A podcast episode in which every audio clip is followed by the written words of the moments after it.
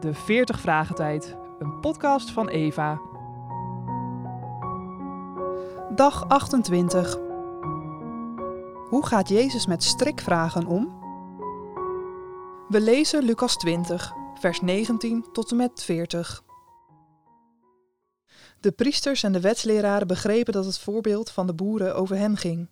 Het liefst wilden ze Jezus meteen gevangen nemen, maar ze durfden het niet, omdat ze bang waren voor het volk.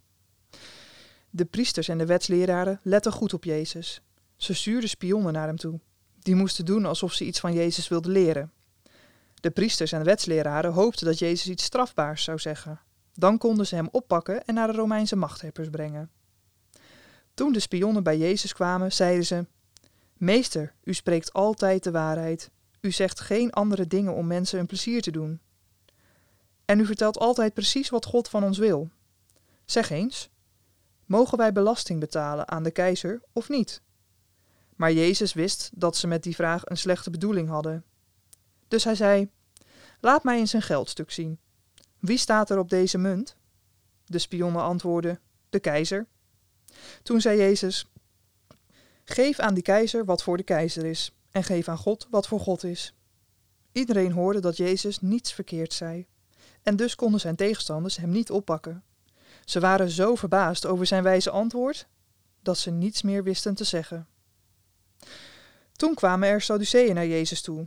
Sadduceeën geloven niet dat mensen zullen opstaan uit de dood.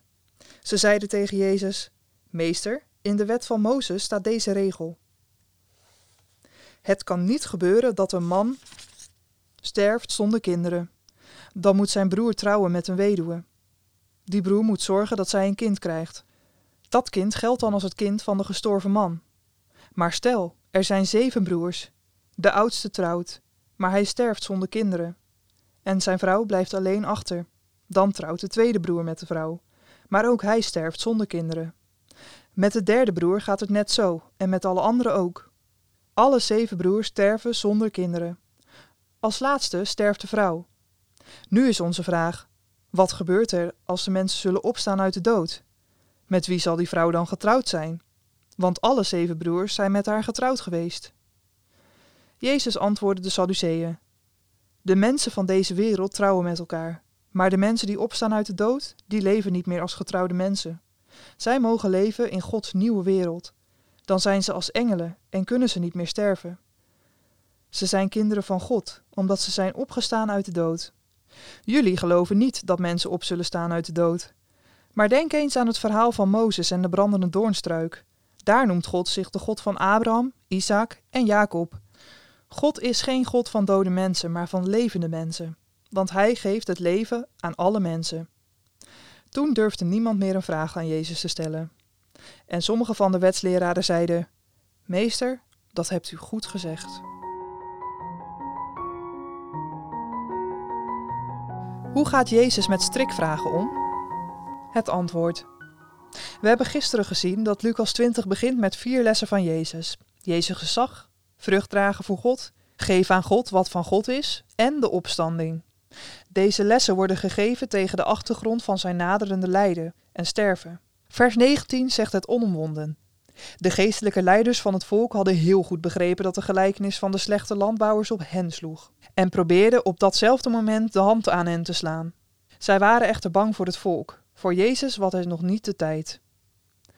Om een aanklacht tegen hem te kunnen formuleren, stelden zij hem strikvragen.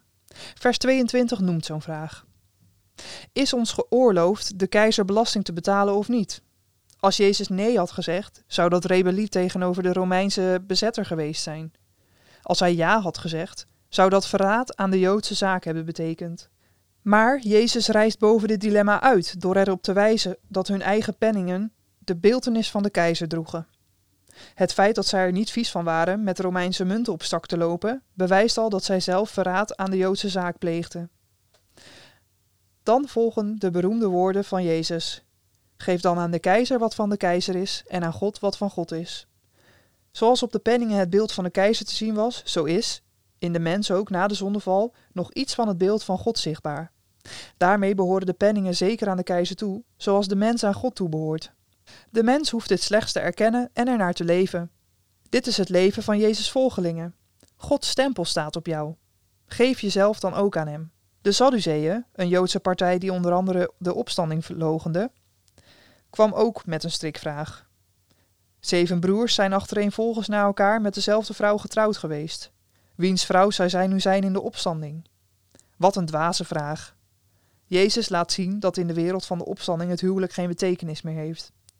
De kinderen van God zijn kinderen van de opstanding. Dat wil zeggen, het leven na de opstanding uit de dood is hun eigenlijke bestemming. God is niet een God van doden, maar van levenden. Dat zijn degenen die zullen leven in de wereld van de opstanding. Zij die in het geloof het oog gericht hebben op die wereld, hebben andere dingen aan hun hoofd dan de vraag met wie ze getrouwd zullen zijn. Zo is ook Jezus zelf hier bezig, niet met zijn dood, maar met de wereld die ook voor hem zal aanbreken na zijn opstanding.